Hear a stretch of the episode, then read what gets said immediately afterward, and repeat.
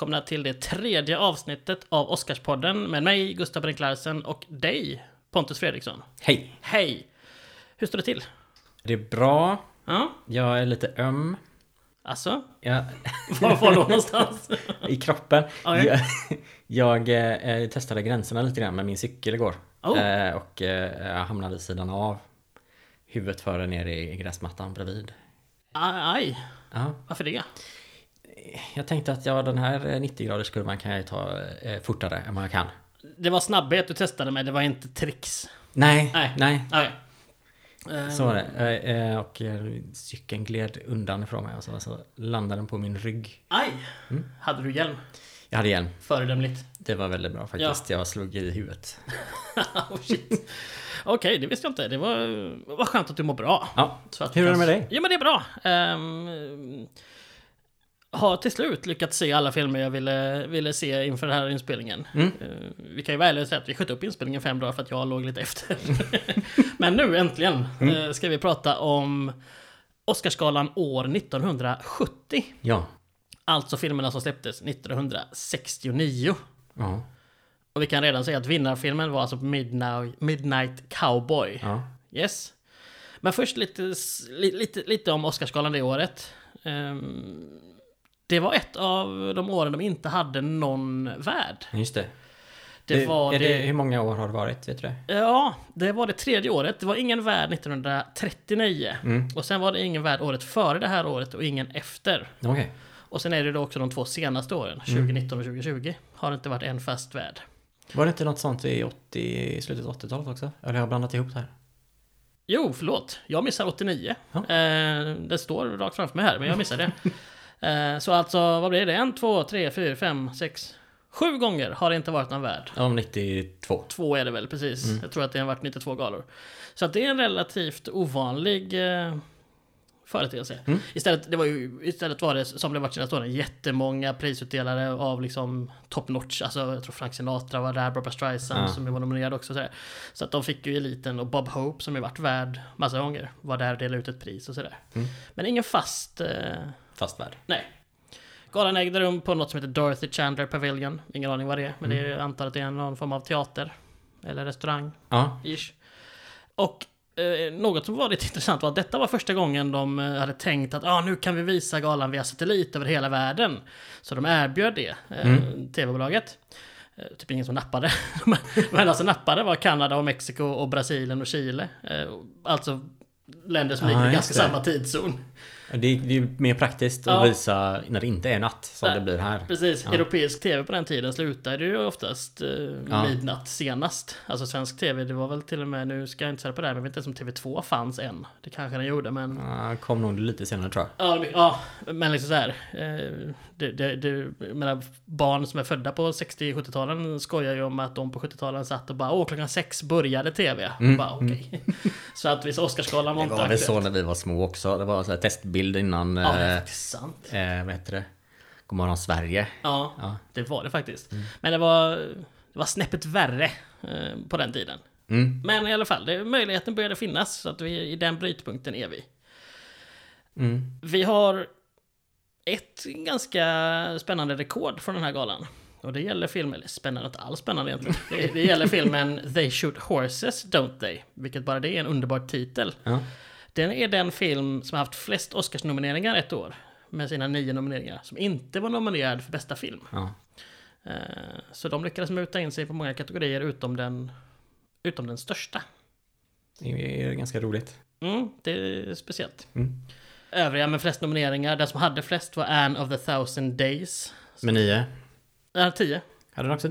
Den hade 10. Ja, Okej. Shoot Horses hade 9. Jag lurade Pontus igår när vi pratade om det här. Det det. Var det inte tvärtom? Nej, eh, de hade 9 var i andra kategorier. Men Aha, okej. eh, Thousand Days var ju också då i, i bästa film. Mm. Eh, Butch Cassidy and the Sundance Kid, Hello Dolly och Midnight Cowboy hade 7 allihopa. Eh, Z hade 5. Eh, och var den andra som var nominerad för bästa film som inte var en engelskspråkig film. Mm. Den första var en annan fransk film från 30-talet som jag inte minns namnet på just nu. Jag har ingen koll tyvärr. Grand Illusion tror jag. Typ 39. En Grand Illusion? Grand Illusion. Den tredje var Utvandrarna faktiskt. Jaha. Tre år senare. Mm. Eh, och sen så kommer vi prata om Easy Rider. och eh, True Grit. som båda hade två nomineringar. Ja. Ska vi säga också. Men ja, det var 1969 kom alltså filmerna. ja. Galan ägde rum i början på 1970. Var befann sig världen då Pontus? Det var väl eh, mycket hippies. Woodstock var sommar 69. Summer of Love. Som jag blev.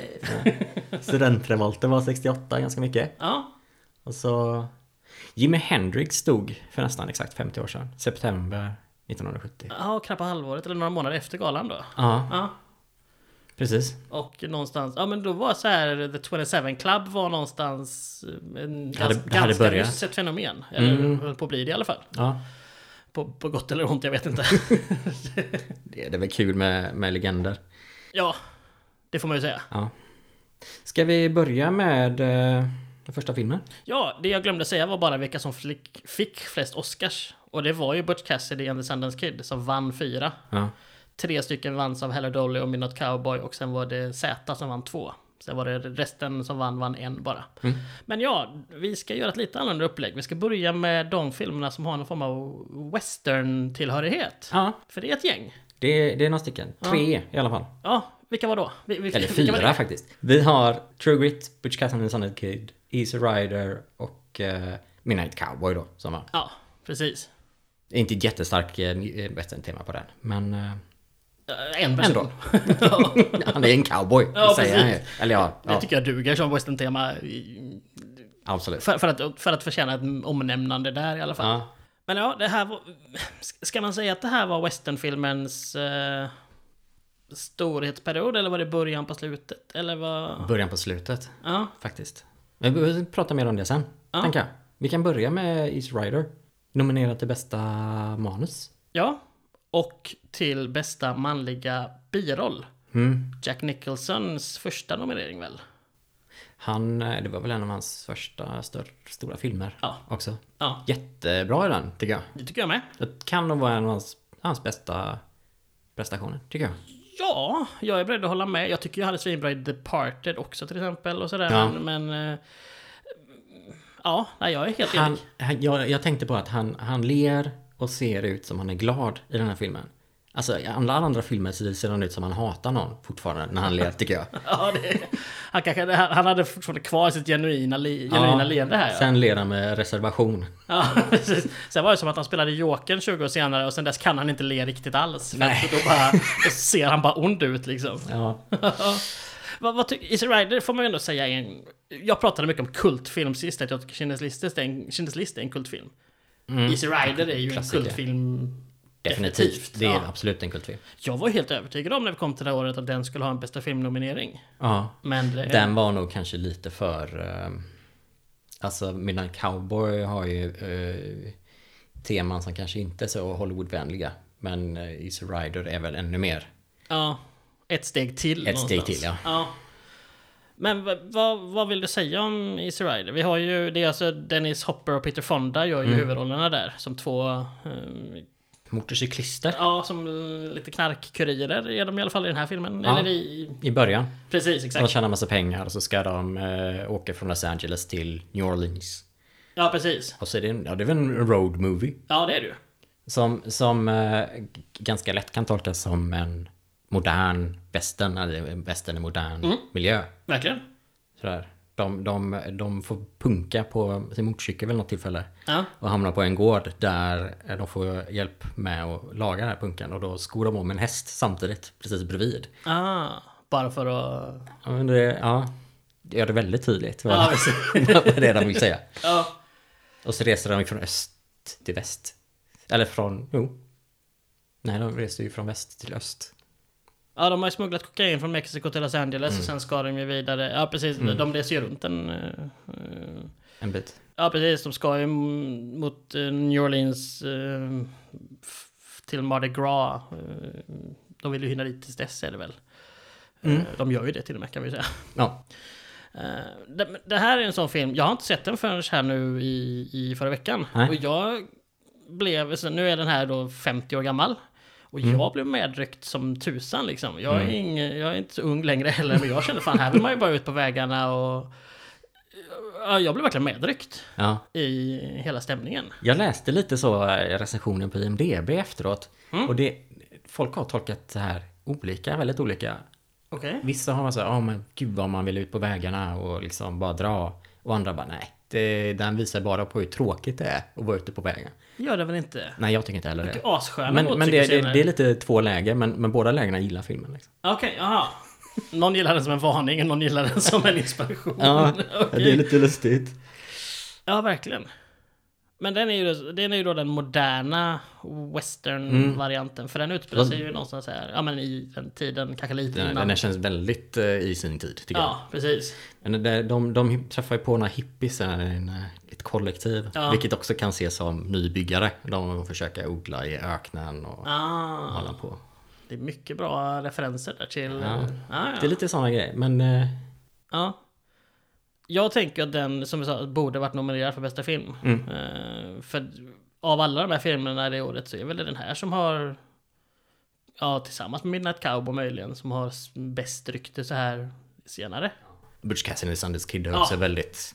Ja, det är sant. Det, det ska vi göra. Det, det har den ju. Ska vi gå vidare till den? Eller var det något mer du ville säga om Easy Rider? Nej, vi kan gå vidare till den. Ja, för... Um, Butch Cassidy and the Sanders var ju en av de som hade en bästa filmnominering. Mm. Eh, men vann inte. Däremot så vann... Uh, den vann som sagt fyra Oscars och var ju den som blev mest belönad eh, på galan då. Mm, mm. Bland annat eh, screenplay. Ja. Mm. Original screenplay kan jag säga.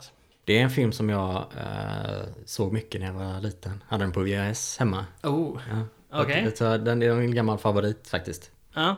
Ja, Jag hade inte sett det innan. Jag tyckte det var... Den var... Spontant kanske det är en den, min favorit den här omgången. Det är din favorit. Ja, en jag av tror dem. det. Ja.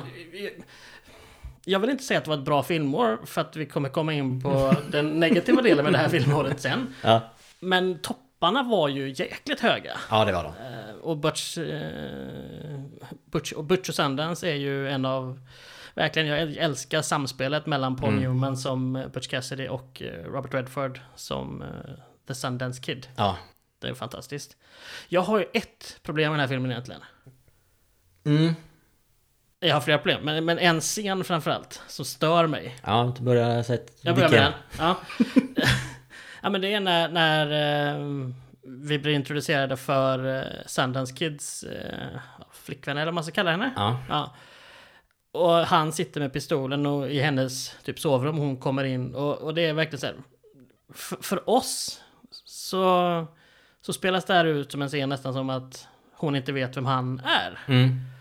Och Han, han siktar pistolen mot henne och, Ja. och spänner hanen för att få henne att klä av sig. ja, det är inte superfräscht. Det är inte jättefräscht. Nej, och, och, och någonstans om vi undantar att det inte är fräscht det han gör så rent filmskaparmässigt så så påminner mig det faktiskt om när Gandalf återkommer i Sagan om de två tornen och träffar Aragorn. Då, då, då, då är ju hans ansikte helt, eh, ja men det är, ut, det är borta. Ja. Det är vitt sken. Och så är det en blandning mellan Ian McKellen och Christopher Lees röst. Mm. Och scenen är bara till för att lura oss. Det finns liksom ingen, alltså oss som tittare. Ja. Det finns ingenting, vi kan inte ana, eller så här, har man sett trailersen så, så, var, så hade man sett att Gandalf var tillbaka. Men säg att man gick in i filmen helt ovetandes så är den röstförändringen bara där för att förvilla oss. Den ska väl förvilla kanske lite eh, Hobbitan också. Ja, Hobbitarna är inte med just där, men eh, det är ju. Aragorn och... Ja, Ja, men, men det är helt meningslöst, för att han presenterar ju sig som sig själv sen. Ja. Så varför han då skulle prata med, med, med Sarumans röst är helt ologiskt. Och lite grann varför han skulle sitta och spänna pistolen mot sin flickvän när de sen... Litet prank. Ja, precis. Jag tycker bara, jag gillar inte den typen av berättande. Nej, nej, nej. Det, jag, jag är inte jätteförtjust i den scenen heller. Nej. Och det är inte så fräscht. Det är inte så fräscht. Det är mycket male, eh, manlig blick där. Att, Mm. eh, ja, på ett, på ett eh, dåligt sätt. Mm. Men annars, eller hade du någonting mer du störde dig på? Det lät så. Nej, jag kan Alltså alla collage kanske tycker jag inte riktigt håller längre. Nej, det kan jag väl eh, köpa.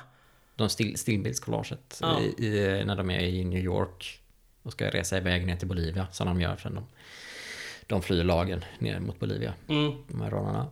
Ehm, den, ja. Den Kunde gjorts bättre. Kunde gjorts bättre. Ja. Men generellt en väldigt bra film. Mm, det är det. Ska vi vidare då till True Grit kanske? Yes. Ja, den är ju... John Waynes enda Oscar. Just det, det var den enda Oscar han vann. Mm. Man får väl kanske tolka att det var för lång och trogen tjänst. För Ja. han är inte jättebra. Menar du han är inte jättebra eller filmen är inte jättebra?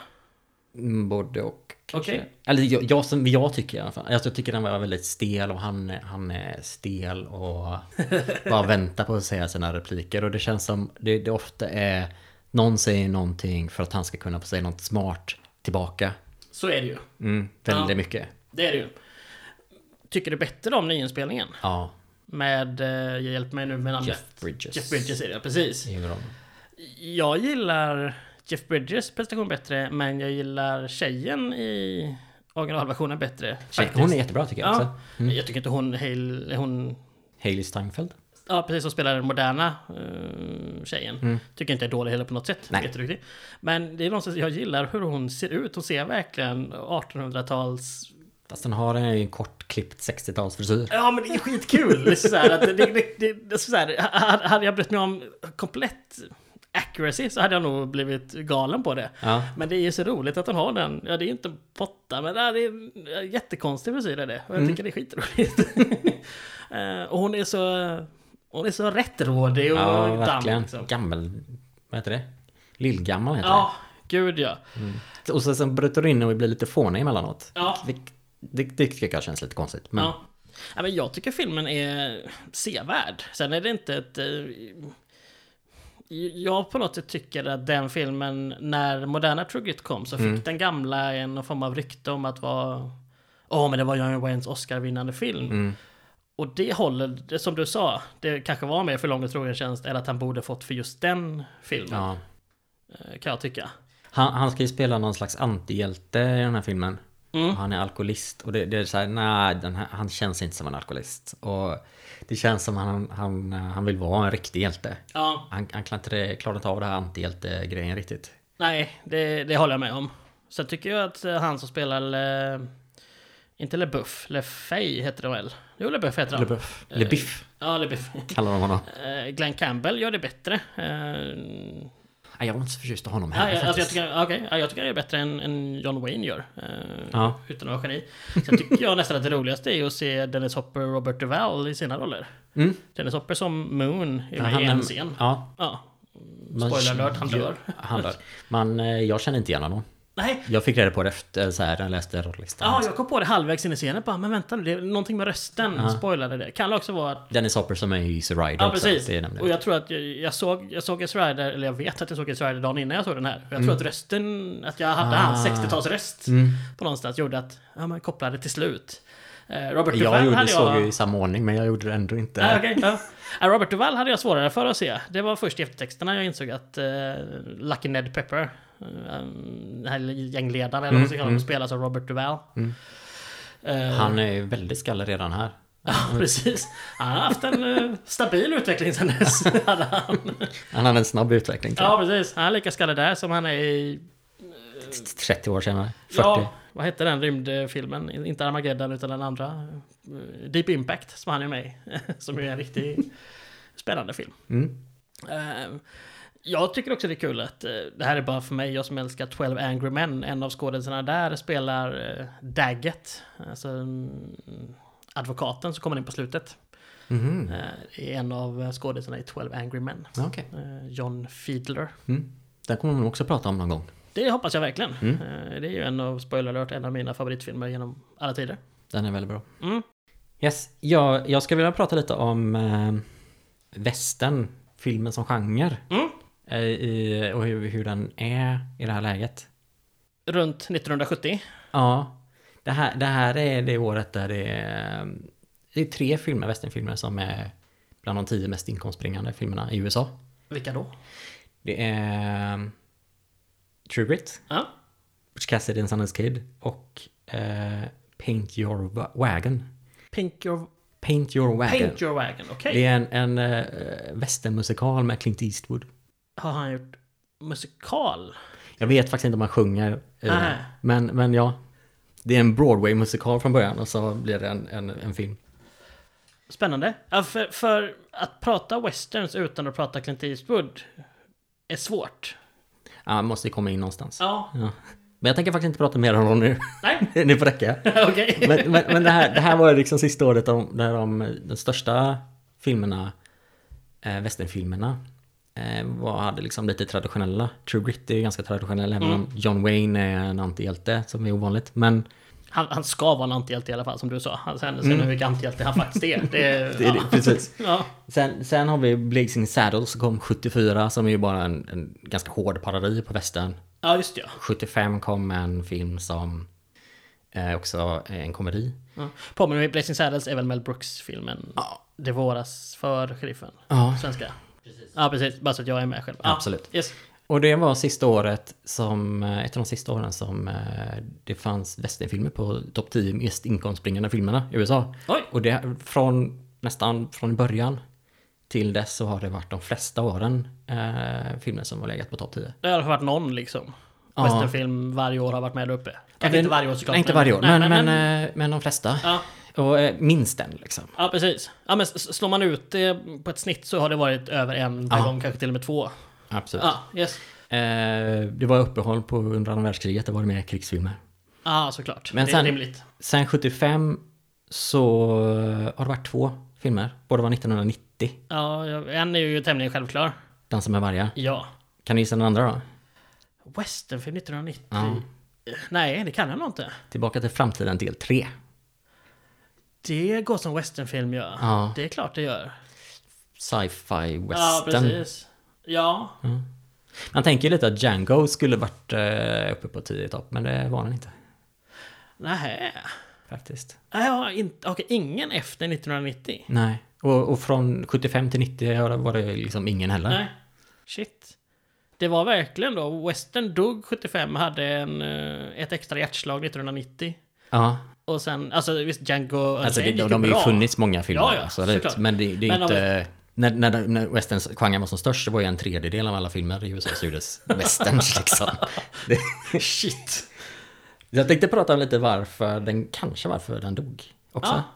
Snälla gör det, jag enlighten me. Yes. Det, det finns något på 1890-talet, backar vi rejält här, Ja. så, så var det en historiker som la fram en tes om eh, hur eh, USA civiliserades.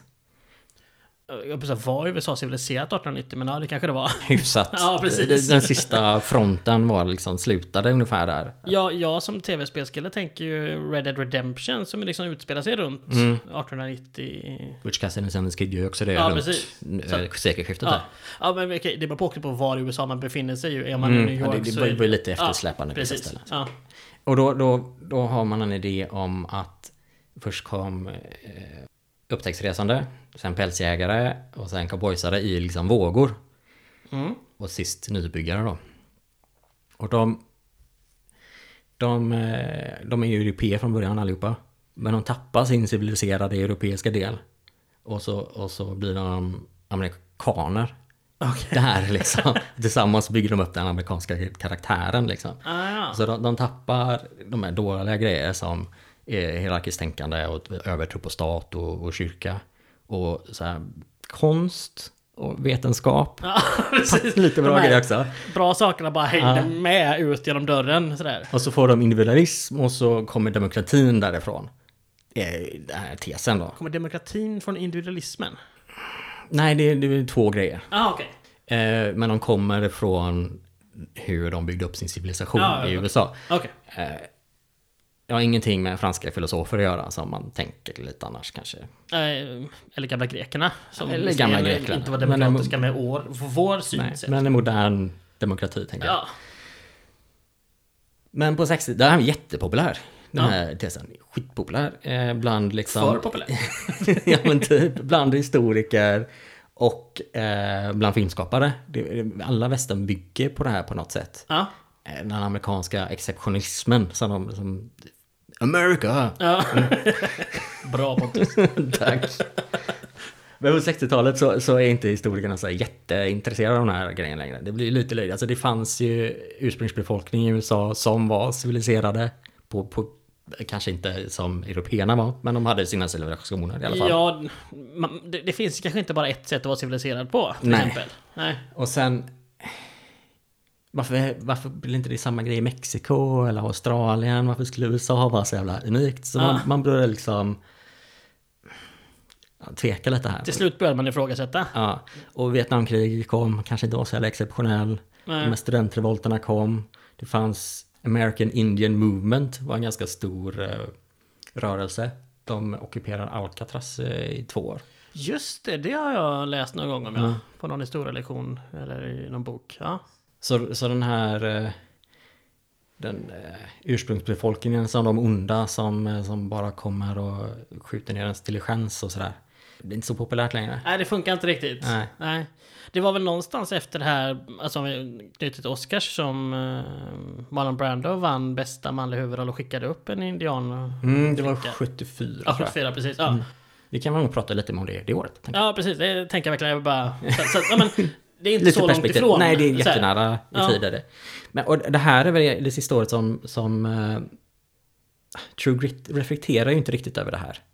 Nej, den känns som att den skulle, den skulle kunna kommit mitt i Ja, en den skulle 50-talet. Ja, precis. Men, eh, Så det är väl egentligen sista året som eh, de topp 10 mest inkomstbringande filmerna inte kommenterar på westerngenren eller, eller de här teorierna då. Nej, Man kan ju säga att eh, Midnight Cowboy gör det verkligen. och att eh, Easy Rider gör det. Ja. Inte så mycket Butch Cassidy and the Sundance Kid kanske. De, de eh, Men den, den är också mer, den är ju skurkromantiserande ja, lite på ett då. annat sätt. De alltså, är- så här, det är ju Butch Cassidy and the Sundance Kid, det är ju lite, fast inte alls samma, lite Bonnie and Clyde, alltså det här romantiserandet av två brottslingar som... Mm, lite Ja. åt det hållet. Men, de, de är, men den tar sig inte jätte på stort, själv på jättestort allvar. Nej, Men det är då, de, de flyr civilisationen i, i USA för att komma till något som inte ska vara civiliserat i Bolivia liksom. nej precis. Till nästa, han, han säger ju till och med det Butch Cassidy i filmen att sådär, nu minns jag inte vilket år han nämnde, men då hade det varit i Kalifornien för att leta guld. Mm. Nu, nu är det Bolivia som gäller. Ja. Alltså, han gör ju den kopplingen ganska tydligt. Mm. Att, eh, att det är där man ska vara då om man vill ha den typen av liv, om man säger så. Yes. Ja. Precis. Så det, det, där har vi western vid den här tyngdpunkten. Ja. Den där håller på att dö. ja. Jag tänker också för Dansen med vargar har ju också en ganska annan eh, Mm. väldigt annan in, alltså, ingång i, eh, i westernfilmerna. Ja, Att han till och med då blir ja, men, vän och tycker, alltså, tycker ju då helt plötsligt att ja, men det är vi som är idioterna liksom. ja. Han vill se The Front eh, innan den försvinner. Mm. Och, och ja men gifter sig ju till och med med en indian eh, kvinna och ja, sådär. det, så den, ja. Så den, eh, den har ju ändrat, skiftat Ja, syn liksom. ja. Att inte den här, eh, vad är det, Cowboys vs Aliens var en av de tio mest inkomstbringande. Ja, det är konstigt faktiskt. Det är Skandal. Fantastisk. Jag har faktiskt inte sett den. Nej, nej, nej, det behöver inte göra det. Nej, du har sett Ja, den? jag har sett Ja, okej. Jag beklagar. Men ska vi prata om Midnight Cowboy då? Det tycker jag. Det var ju alltså då vinnaren av eh, bästa film. Mm. Och eh, båda dess huvudrollsinnehavare nominerade för bästa manliga huvudroll dessutom. Mm. Men då tog ju John Wayne den istället. Ja, precis. Eh, den vann ju, utöver bästa film, vann den också bästa regissör. Vilket Mm. ju var John Schlesinger. Mm. Och som vi sa då även eh, manuset, bästa originalmanus. Waldo Salt, ett fantastiskt namn. Waldo är alltid ett bra namn tycker jag. Mm. Where's Waldo? Ja, precis. There's Waldo. Eh, vad kan vi säga om Midnight Cowboy? Ska vi börja med... Vi kan börja med från början. Ja, För jag såg ju den här första gången. Hade du sett den förut? jag har sett den två gånger tidigare. Ja, för jag har ju inte sett... Det, det är lite en av anledningarna till att jag vill göra den här podden. Att jag har ju som mål att se alla vinnare av bästa film. Mm. För jag känner att jag har för många jag inte har sett. Jag hänger med på resan. Ja, precis. Du var, du var snäll så att inte jag sitter och pratar med en vägg här istället. Eh, men jag hade inte sett Midnight Cowboy förrän häromdagen. Eh, och så kommer första scenen. Och jag bara... Vad är detta? För där står John Voight och eh, klär på sig och typ pratar med en spegel. Och så är det... det, det, det, det han, han jobbar egentligen som diskplockare i någon sån håla nere i Texas. Mm. Och det klipps väldigt taffligt tycker jag. Och det ropas efter honom och vad han är och Joe Buck och hit och dit liksom. Och det är typ en, ett par minuter på sin höjd. Men Mm. jag, han, ja, han blir genuint orolig för bara... Det klipps mellan att han klär på sig hemma Ja, och att eh, de De undrar var han är. undrar på dinern liksom. Ja, Where's precis. Joe Buck? säger de Ja, fyra, fem precis. gånger. Ja precis, för det är liksom så här, chefen säger det och kocken säger det och hit och dit och så disken växer för att han, diskplockaren är inte och där och fixar det. För Mm. diskplockaren är ju då Joe, Joe Buck. Precis. Eh, och tack och lov så fortsätter ju inte filmen i den i det stuket. Alltså jag, jag gillar den. Alltså den, den Gillar du han, den scenen? man märker ju senare i filmen att han, han har ju någon slags barndomsdröm av att vara en cowboy. Mm. Han är ju ingen cowboy egentligen. Nej. Uh, utan han, han håller ju på att klä upp sig och fantiserar om hur mycket de saknar honom. Och, Ja. och hur han ska liksom, nu sticker jag till New York. Bara att han har inte den här coolheten. Liksom. Nej, han är men- inte John Wayne om man ska När han kommer till dinern för att hämta sina pengar så skiter ju alla i honom i stort Ja. sett. Precis. Det är bara, jaha. För han ska flytta till New York i alla fall. är ju hela poängen med Och filmen. blir en uh, gigolo. Ja. Det är roligt att de kallar det för hustler. Mm. Jag, nu, det här borde jag kollat upp innan, men här, betydde hustler, alltså för mig är ju det någon som lurar folk. Ja, Men att han använder det mer som vi skulle använda gigolo eller manlig prostituerad. ja. Jag funderar på om ordet hustler har på något sätt bytt betydelse lite grann under de sista 40-50 åren. Eh, Eller om det bara är, ja man kan säga så också. Jag tror man kan säga så också. Ja, det är kanske bara jag som inte har koll då. Det är många rappare som säger att de är hustlers. De menar ju inte att de är manliga prostituerade. Nej men det är det, nej. nej. Everyday I'm hustling. Precis, men det är det jag menar. Det är därför jag tänkte att ja, de, de har typ snott uttrycket på något sätt. Ja. Jag, vet inte. jag vet inte om jag tänkte överhuvudtaget. Jag tänker sällan. Ja. Men vad gör Joe Buck då? Han kommer dit och det är mycket collage-scener. Ja, Genom hela filmen egentligen. väl, alltså mycket... Det, de, de, man, de hanterar det på olika sätt. Mm. Dels är det tillbakablickar, dels är det drömmar, dels är det mardrömmar. Och Mm. eh, fantasier. Och man får liksom lite lasta ut själv vad som är vad. Mm. Jag säger den här öppningsscenen känns också som, som en försmak på de här collage-scenerna. Ja, Så det, det... Så jag gillar den. Det visar också på hur naiv han är. För filmen handlar ju lite om att han håller på och växer upp. ja. Ja men det är ju en, hela filmen är ju en växa upp story får man väl säga. Alltså i, i grund och botten. Mm. Eh, Att han kommer till New York och... eh, Ja men... Han, han börjar fråga folk på gatan om Frihetsgudinnan och ingen svar. Alltså... det- Ingen vill prata med honom. ingen pratar med honom och sen är det någon som bara Jaha, du var allvarlig? liksom. För ingen, ingen tar honom seriöst. Det var han ju inte. Han ville ju bara att hon skulle köpa sex av honom. Ja, precis. För den scenen är ju ganska rolig med den första gången han, han, han tycker sig ha lyckats första gången. När han, han får upp, eh, kommer med en tjej upp till eh, en kvinna. Ja. För det, det verkar, han har ju siktat in sig på äldre kvinnor så här Mm. liksom. Eh, det- Ja, han har ju- medelklass, rika Ja, han har ju läst på, tycker han. eh, om att de vill ha cowboys. en cool cowboy som han. Mm. Coolaste katten i stan. Men så, ja. Han är där uppe, gör sin grej och sen ska han ta betalt. Och hon eh, frågar om eh, taxipengar istället. Ja, precis. Först blir hon svinupprörd. Det var bara Vem tror du att jag är? Jag är snygg! Ja, precis. Och sen visar det sig att hon har inga pengar till taxi så hon, han ger honom, henne X antal dollar. jag kommer inte ihåg hur många. 20. Ja, är det 20 dollar? Mm. Ja, precis. Det var ju vad han vill ha för att uh, ha legat med henne. Ja. Och... Hade hon planerat det tror du? Alltså så här, var det hela grejen med att hon fick med henne upp? Att hon, hon hasslade honom? Jag vet inte. Det, men det är väl en tolkningsfråga. Ja. Om hon kanske bara passade på. Ja precis, hon inser att han är dum i huvudet den här killen nu. Jag tar chansen. Mm. Det verkar nästan så. Det verkar lite så. Hon, eh, den här rollen, kvinnan blir ju en Oscars nominerad också för bästa kvinnliga biroll. Och hon är ju bara med i, i två scener i princip. Ja, det är... Imponerande. Verkligen. Eller vad man ska säga. Det, det är lite konstigt nästan. För det är inte, det är inte jätte... Hon spelar ju inte dåligt, det är inte det jag säger. Men den, den har inte så stor inverkan på, på filmen i sig. Jag tror inte ens man kunde vara nominerad på så kort Nej, kort nej, tid i en film som är nästan två timmar lång. Nej, Så. konstigt. Men vi, vi, vi kan väl gå vidare också till han. eh, Han träffar ju eh, Dustin Hoffmans karaktär. Ja. Efter ett tag. Rizzo, Rico, Ratso. Kärt barn har många namn. Precis. Ja. Han, han kommer in efter 25 minuter Ja. och är huvudrollsnominerad. Ja, för det är roligt. För det väljer ju... Eh, antar jag fortfarande att det var redan då. Att eh, filmbolagen själva väljer vem som ska vad de ska ha Ja, ha för roll liksom. Inte vem som ska nomineras såklart. Men, men okej, den här personen vill vi ska vara tillgänglig i huvudrollskategorin Mm. eller i birollskategorin.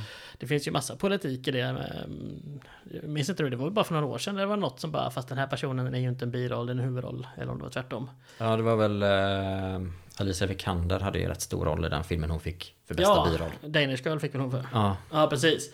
Just det har ju varit några andra också. Ja. Och hon var ju i princip huvudrollen tillsammans med eh, Ed Redmayne då. Mm. Men blev ändå nominerad i, i biroll för att hon väl ha större chans att vinna där. Ja. Men därför kan jag tycka att det är lite, för att om man tittar på han borde väl någonstans ha nästan varit ganska självskriven som birollsvinnaren kan jag tycka, Dustin Hoffman. I den här. Det Det var någon varit. från They Shoot Horses Don't They som vann visserligen. Jag ska inte svära på att, hur, hur bra den personen var men Nej. Men jag tycker som huvudroll är han inte med tillräckligt mycket. För att filmen handlar ju väldigt tydligt- tydligt om Joe Buck. Mm. Alltså John Voights karaktär. Ja. Och John Voight var också nominerad för bästa manliga huvudroll. Mm, och, och Dustin Hoffman är ju... Ja men första timmen är han inte med alls mycket. Sen är han med i princip hela andra timmen visserligen. Mm. Men någonstans... Ja, Han kommer in efter 25 minuter, sen försvinner han Ja, rätt länge för han lurar ju eh, Joe Buck. Ja, på pengar. Eh, Ytterligare ett tecken på att visa på hur dum Joe Buck är. Ja. Men den, den, den har ju ett visst... ehm, den har ju anklagats för att vara lite homofob. I den här första scenen de träffar varandra så, så varnar han, räddar honom från en, en bög liksom. Mm. Ja, och så blir de kompisar för det.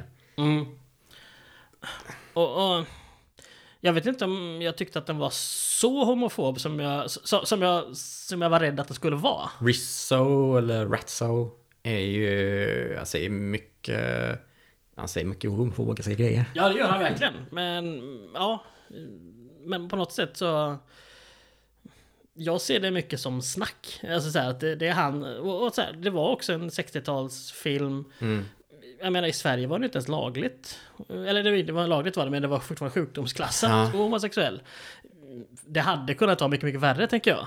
Eh, sen kanske det är jag som någonstans har för mycket förståelse. De, de utvecklar ju en vänskap senare, en ganska stark vänskap. Som, som många har tolkat som homosexuell. eh, Att han har homosexuella undertoner, att eller, eller undertryckt homosexuella känslor. Så det, det, han har ju fått både och. Ja, Regissören eh, Schlesinger är öppet homosexuell själv. han är det. Ja. Var han det då? Vet du det? Han var ihop med någon som eh, jobbade på filmen. Jag vet inte om han var öppet ihop med den personen. Nej. Men han var öppen länge i alla fall. Ja, De var ihop tills Schlesinger dog ah, okej. på 00-talet. Ja.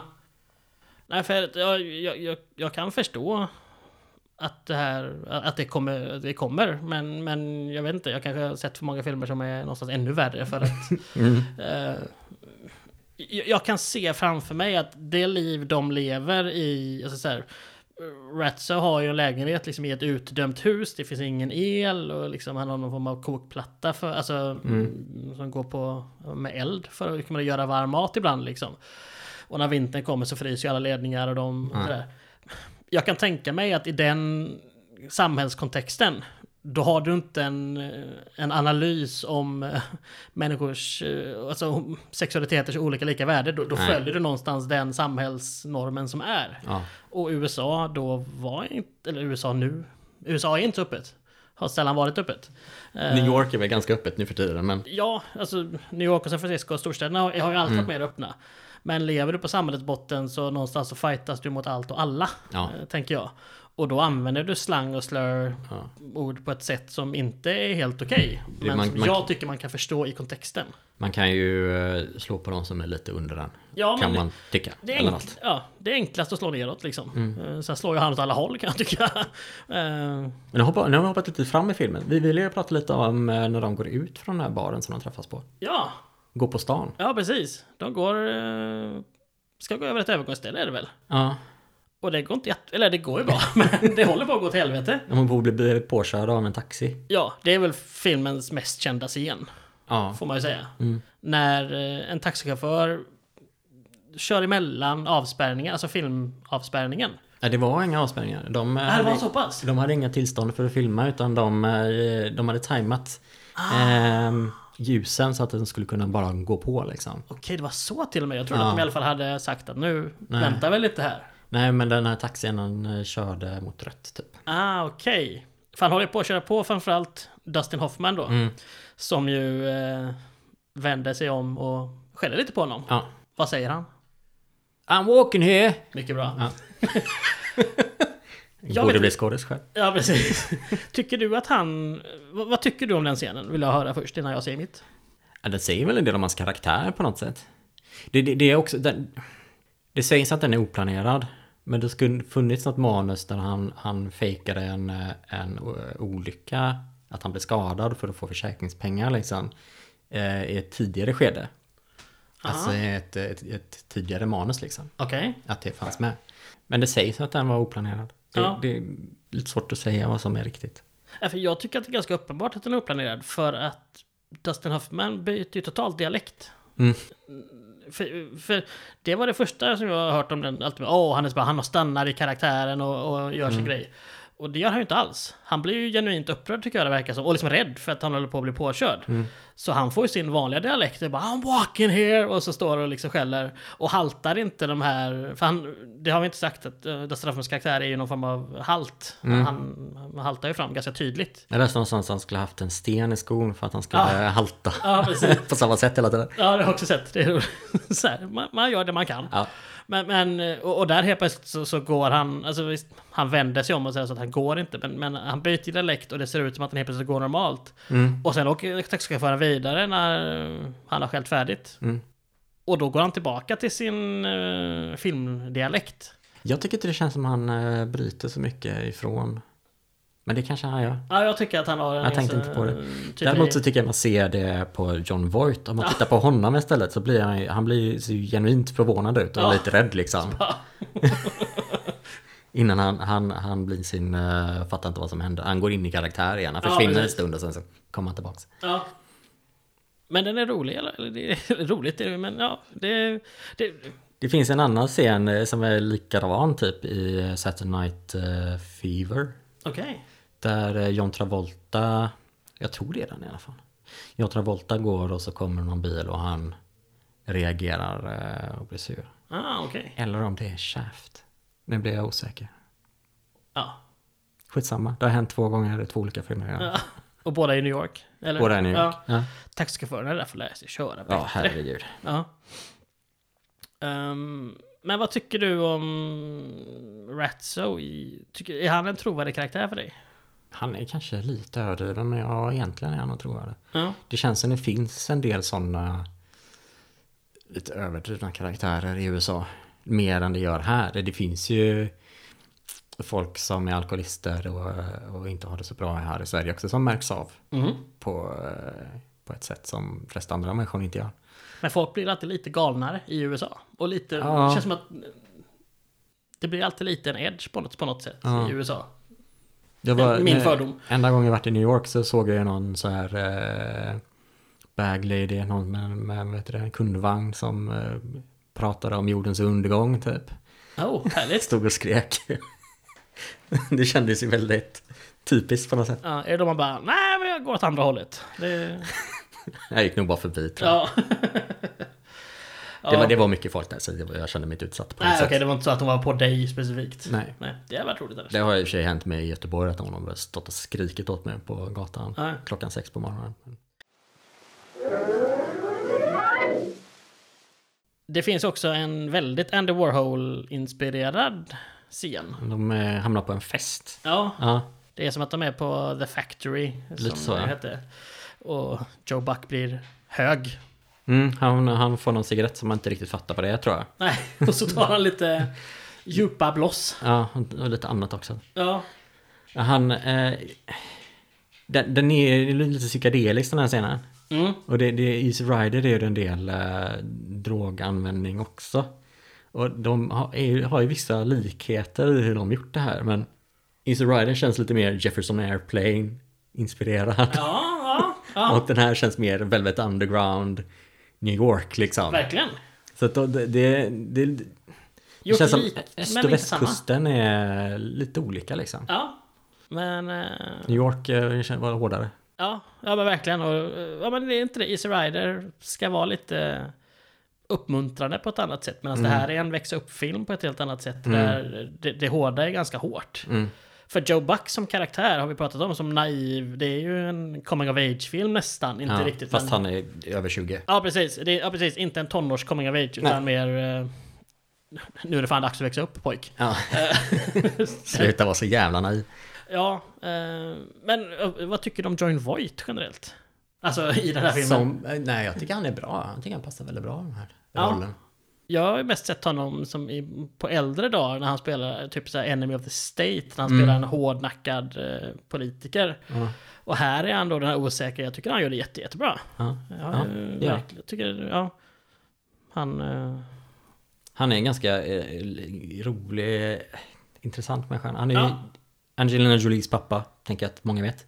ja, de har inte världens bästa relation. Det kan jag tänka mig. Han, han, han var ju väldigt så liberal och röstade på Kennedy och, och protesterade mot Vietnamkriget på 60-talet. Och nu har han sagt och Trump är the greatest president since Abraham Lincoln. Han har ju gjort en rejäl svängning alltså. Han, har lite grann gått åt andra hållet mot vad han var. gått lite in på konspirationsteorier och sånt känns det som. Oj. Ja, han är ju född... Det är alltså- min en tes kan jag säga. Ja, han är ju 80, 81 nu. Mm. Så att han börjar bli eh, Mm. Till åren. Jag kan också nämna förra avsnittet så pratade jag om någon stuntman som åkte ner i ett fall. Mm. Eh, och såg ut som en docka. Just det. Och jag kunde inte komma på vad filmen hette. Nej, ja. Den hette Den sista färden och John Voight är med i den. Aha! Sen, jag, var, nu har jag försökt hitta en, en bra källa för det här mitt påstående och jag gjorde inte riktigt det. Men det skulle varit Burt Reynolds och inte en stuntman som åkte ner i fallet. Och han skulle ha brutit svanskotan. Det står högst upp bland trivian på, på Den sista färden eh, på IMDB. Ja, men det, det litar vi på.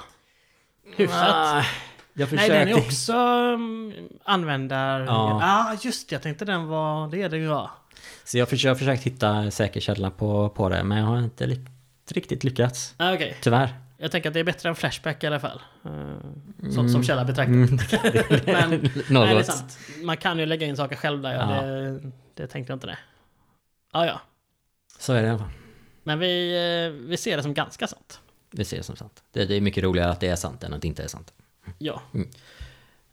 Nu vill jag att ni som inte vill veta hur den här filmen slutar spolar fram en minut. För nu kommer Pontus. Pontus vill prata om slutet nämligen. Så Ja. att eh, nu gör vi det en stund här. Jag vill spoila lite grann. Eh, Rizzo, som han heter, han, han blir kallad av Ratso av, Mm. av John Voights karaktär genom hela filmen. Och han vill ju egentligen bli kallad för Rico. Mm. Och han klagar på det en del. Han är inte helt nöjd. Han är inte helt nöjd. I slutet, han blir jättesjuk, i slutet åker de eh, buss ner mot Florida för att han ska hamna i ett varmare klimat.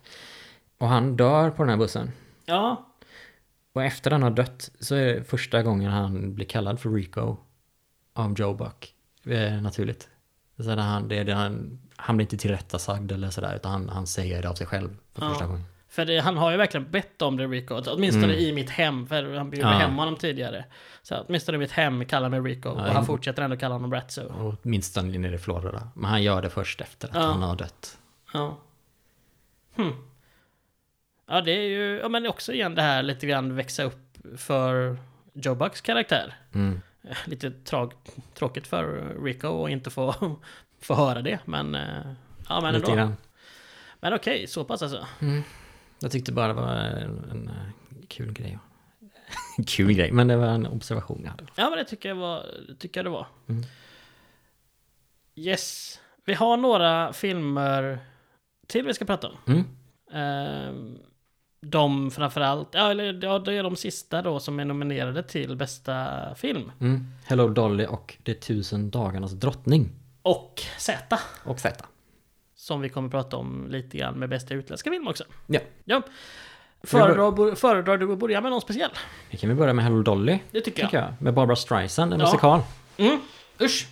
Jag tycker hon är bra i den här. Jag tycker hon är bra, jag tycker resten är ganska tämligen uselt. Hon, hon gjorde sin första film, eh, det här är hennes andra film. Hon fick en Oscar för sin första film. Vilken var det? Det var Funny Girl. Just det, så heter den ja. Mm. Snyggt. Ehm, Så hon lyckas alltså med sin första film bli... vinna Ja, bästa kvinnliga huvudroll. huvudroll. Och i den andra så är hon nominerad för Golden Globe. Hon är inte nominerad för den här filmen, men hennes andra roll blir i alla fall filmen Mm. nominerad för bästa film. Just det. Men ja, det är en musikal. Den utspelar sig 1890-ish tror jag det ska Ja. vara. Något så här, Mm. I New York-trakten också. Mm. Har jag för mig. Just Yonkers det, mycket är- New York. De, eh, de hade ju någon, byggt upp New York en studio och jag läste någonstans att Butch Cassidy och Sundance Kid ville filma, göra New York-scenen i deras set. Jaha. Men de fick inte tillstånd till det.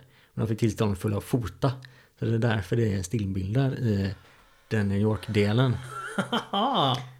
Jag Vet, jag har ingen bra källa på det här heller. Men, men vi gillar eh, svaga källor. Det tycker jag, det är kul. ja, spekulationen är roligt. ja, eh, jag måste ju tyvärr säga att jag tycker att Hello Dolly var ganska redigt dålig. Ja, jag tröttnade. Jag, jag, jag ville stänga av efter halva filmen. Ja. För att säga. Jag såg klart den men det känns konstigt. Barbara Streisand ska bli ihop med en 20 år äldre gubbe Ja, som, Matthau. som eh, hon bara är taskig mot. Och, spoiler alert då igen. Han bara helt plötsligt vänder i slutet. Mm. Från ingenstans. Från liksom. ingenstans. Och jag vet inte, den är väldigt polerad och det känns lite som en Disney-film på Ja. något sätt. Jag tycker det känns som att den där filmen är gjord 30 år innan den ens är gjord. Mm. Alltså sådär, och inte på ett bra sätt. Det är ju Gene Kelly som har regisserat det. Ja, och han har man ju mycket respekt för. Ja, Men- Singin' in the Rain. Ja, ja. precis. Eh, jag stör mig kanske mest på de här två eh, killarna som är med, som egentligen jobbar i Walter Matthau-karaktärens butik. Mm. Eh, och en av, det här är en musikal från scen från början. Jag vet att åtminstone en av dem var samma skådis i musikalen som i filmen. Mm. Och det, jag tycker det känns så tydligt att, aha, du är ingen filmskådis. Du är en musikalskådis på scen. Är det han den äldre utav dem? Jag minns inte exakt vem det var. Nej, jag vet att han nej, dog bara några år senare i alla fall. Ja okej, okay. då var den yngre. Han blev mördare. Ja, precis. Just det. Han blev knivhuggen med typ Mm. så här 100 knivhugg. Ja. Som man blir. Ehm, nej, jag tyckte inte Hello Dolly var något att hänga i granen. Tyvärr. Nej. Eh, jag gillade inledningen och musiken är helt okej. Jag tror att jag skulle tänka mig att lyssna på soundtracket ibland. Liksom. Inte hela, men några låtar sådär. Mm. Men som film betraktat. Nej, att det var den hade... Väldigt fånig. Ja, Lite charmig. väldigt lite charmig. Stundtals kort charmig. Mm. Men den är inte sju Oscarsnomineringar bra eller sju Oscarsnomineringar Man kan se det när man gillar eh, Barbara Streisand, tänker jag. Ja. Och det gör ju många i och för sig. Ja, det gör det. Det är Ja. så. Ehm, vi hade ju också då den med flest nomineringar. Det är tusen dagarnas drottning. Ja, eller Anne of the thousand days som den heter på Ja. engelska språket. Den är, utspelar sig på 1500-talet. Ja, det är Henrik den åttondes fru, Anne Boylin, Boylin, Boylan. Boylin. Som... Eh, hon var väl nominerad. Hon var nominerad för bästa... Genevieve, Genevieve tror jag. Ja. Bujold. Kanadensisk, fransk-kanadensisk skådespelerska. Så att jag ber om ursäkt för uttalet som jag slaktade där. Det första jag läste om den här var att eh, de hade en, en väldigt så kampanj för att den skulle bli Oscarsnominerad. Det läste jag med. Det var, eh, de bjöd på champagne och filet mignon till eh, Academy members ja. när de gick och såg den här filmen. Och det, Ja. det, det, jag blev inte jättesugen på att se den här efter det, men jag gjorde det ändå. Ja, jag, jag, jag läste ju det här mitt under. Jag, Mm, för att mm. den här filmen är lång. Den är lång ja. 2.20, 2.25 lång. Mm. Storyn i sig skulle klaras av på en timme, 1.15. Ja, kanske. En halv. Vi säger 1,40. Vi säger en och en halv. Nej men ja, ni, ni fattar. Det Man, man kunnat klippa bort eh, en del sidogrejer som inte hade behövt vara med. Ja, för skådespeleriet. Jag tycker framförallt hon, jag tänker inte säga namnet, jag tänker, säga, jag tänker säga Anna, Bo, Anna Ja. Boylin.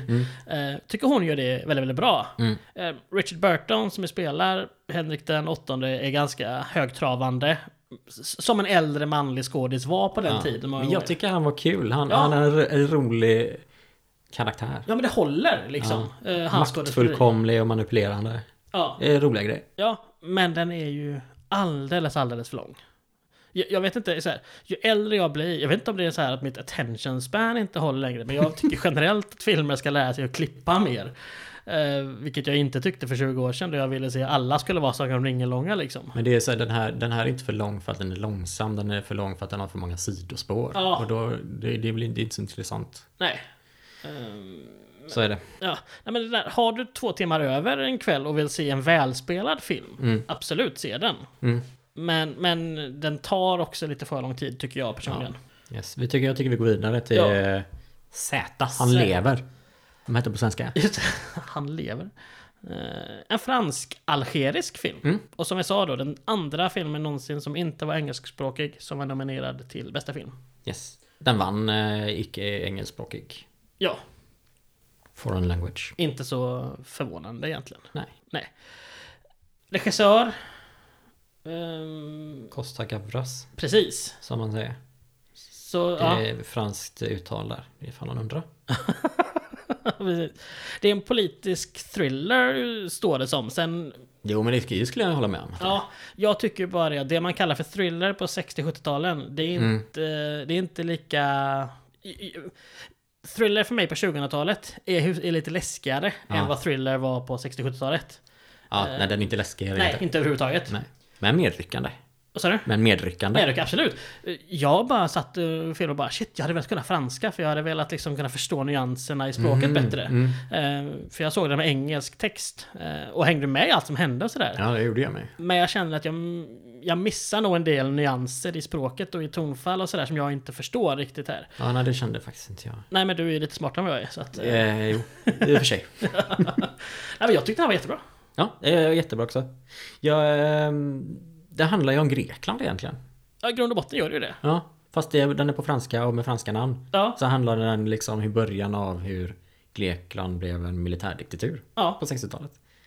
Och någonstans är den ju läskigt igenkännande i vissa saker tycker jag redan nu. Alltså så här, mot vad saker och ting skulle kunna bli om man ska spoila lite mot slutet. Ja, Att sådär att sanningen inte alla gånger, om man tittar mot Trump, så, vad som egentligen hände är inte alltid så relevant nej, för vissa i vårt samhälle idag. Och att den här 50 år gamla filmen, ja den, den, den skulle kunna göras nu också typ, liksom, Mm, mm. känner jag. absolut. Jag läste också att eh, det var kritiker i USA tyckte att eh, fotot verkade inspirerat av mordet på John F Kennedy. Alltså det, den eh, amatörfilmen på, Zapruder-filmen. ja, Jaha. kommer inte ihåg vad den heter, men det gör den säkert. Ja men det är ju den mest kända filmen Ja, därifrån. Ja, precis. Ja. Okej. Men det, men det är att det är lite dokumentärt, eh, handhållet. Var inte det här en stil? Jo. Ja. Han, han har ju själv förnekat, han har inte sett den här filmen har jag sagt. Den var inte så spridd i Europa på den här tiden. Bra film i alla fall. Jag kan Ja. rekommendera den. Vann, vann bästa utländska. Den vann bästa bästa utländska och eh, bästa editing faktiskt. Jaha. Eh, Så... mm, Det, det gick uppenbarligen hem hos akademin hur den är klippt. Ja, trots att den är lite... Slänger ut med lite USA-kritiska grejer Ja. emellanåt. Precis. Nej men jag tyckte verkligen, jag blev genuint positivt, eller så här. Jag såg den här utan några förväntningar. Men Mm. jag tyckte verkligen den var bra. Mm. Så att, eh, well played. Det var en svensk film också, som Ja. är nominerad. Som var nominerad för bästa utländska, som ju då inte hade en chans eftersom att Z vann. Ja. Årdalen 31. Mm. Bosse och eh, Widerberg. På Widerberg, ja. Det är samma person. Ja, precis. Göran Perssons favoritfilm faktiskt. Göran Perssons favoritfilm. Mm. Ja, men såklart. Ja, det är, det är en socialdemokratisk film. Nej, det är det inte riktigt. Men, men eh, den, den handlar om eh, en historisk händelse i Sverige. I Ja. Ådalen. Det tror jag. 1931. Ja, precis. Eh, som var ganska, det var ganska betydelsefull. Jag tänker att de flesta har hört talas om det här. Det, jag hoppas de flesta har hört talas om det här, annars får ni Ja. gå tillbaka till skolan tycker jag. Lite så. Ja. Det är militärer som skjuter ner demonstranter. Mm, fem personer skjuts ihjäl. Ja. Eh, I Ådalen. Precis. Eh, Efter det här så, på den här tiden så fick, var poliser kommunala. Mm, Så man fick inte agera i andra kommuner. Så att de, efter det här så ändrade de hur polisväsendet sköttes. Okej. Ja. Den är jättebra tycker jag. Men för Ådalshändelserna har ju... Har, det är därför militären inte får gå in i, i Sverige. Alltså så här, svenska militären får inte användas. Ja, det är inte riktigt så faktiskt. Är det inte så? Det är jag helt övertygad om. Nej, det ändrades inte förrän på 60-talet. Aha. Jag trodde också det, men jag, när jag kollade upp det så, så var det så. Då har jag blivit lurad av en svensk tv-serie som sa det. Ja. Ja. Och det förbjöds inte helt förrän efter Göteborgskravallerna. För då kom det upp på tal igen. Det var en del borgerliga politiker som tyckte att man skulle kunna sätta in militär mot demonstranter. Ja, det, Och då bestämde man att eh, förbjuda det ja, istället. det känns som att från det hållet av politiken kommer det ibland. eh, Att militären ska in och, och städa upp. Mm. Nu är det väl vissa på den rasistiska delen av den svenska mm, politiken som eh, gärna skulle sätta in militärer och som bara ska skjuta i förorterna känns det som. Om man ska hårdra det. Det är väl ingen som har sagt så kanske, jag vet inte vad jag vet. Men, Vad sa eh, du? Det är väl ingen som har sagt så vad jag vet, men det, det känns lite så ibland. Typ har de sagt det. De, Mm. eh, Nu avslöjar jag mina politiska ställningstaganden här och det har jag inga problem med. Men det, det, nej, visst, de kanske inte använder de orden rätt ut, men det är det som är effekten. eh, Ja. Det är det de gärna skulle se. Säger jag och bestämmer det. Det, jag, den, jag tycker den här filmen är jättebra. Mm. Det har en reservation dock. Okej? Det, det är en kille, i, den, är, den är ju kraftigt fiktionaliserad. Även om de stora, de stora händelserna stämmer. Ja. Det är en kille som hypnotiserar en tjej. Det är någon slags sexuellt uppvaknande de ska porträttera här. Och han hypnotiserar henne och klär av henne alla kläder. Och det är en väldigt manlig blick på den här kameran medan han gör det här. Aha. Så att... Det, det, det, det finns ju en variant eh, som är ganska vanlig att, att killar tittar på tjejer som bara nakna under sitt sexuella uppvaknande. Och det känns som en variant på det fast ganska mycket ofräschare. Jaha. Okej. Det är kanske inte jättefräscht alla gånger det där Nej, andra nej, sättet heller. Men det här är ändå... Det kan vara ofräscht och det kan vara jätteofräscht. Mm. Och det här är jätteofräscht då kanske. Det ja, lite av ett sexuellt övergrepp kan man väl säga. Ja, okej. Aj då. Ja, Jag, jag börjar känna så lite grann att ju fler äldre filmer man ser, desto mer undrar man hur tänkte folk eh, ibland? det är Eh, lite konstigt. Jag tycker ändå man ska se filmen för den, den är, resten är bra. Ja. Hade det inte varit för det så hade den eh, varit en femma. ja, Okej, vad härligt. Kanske hade kunnat klippas ner lite på slutet. Jag börjar få med dig i att filmen ska klippas ner. Fan vad härligt.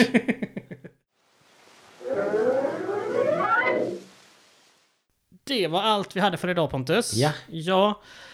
Om två veckor så pratar vi om galan från 2006. Yes, med Crash som vinnare. Ja, den har ju eh, rykte om sig och var... Ja, det är en polariserande film, vinnarfilm. Mm. Ja, Det är många som tycker att eh, andra filmer den, det året borde ha vunnit. ja, så därför ska det bli väldigt kul att se vad vi tycker nu så här 15-16 år senare. Mm. Förhoppningsvis så får vi med en gäst också. Det hade varit kul. Ja, Det ser vi fram emot. det gör vi. Yes, så följ oss gärna på Instagram, vi heter Oscarspodden. Mm. Och eh, undrar ni något, skriv till oss där eller kommentera på inläggen så, så hörs vi där helt enkelt. Det gör vi. Yes, ha det så bra! Tack för att ni lyssnade.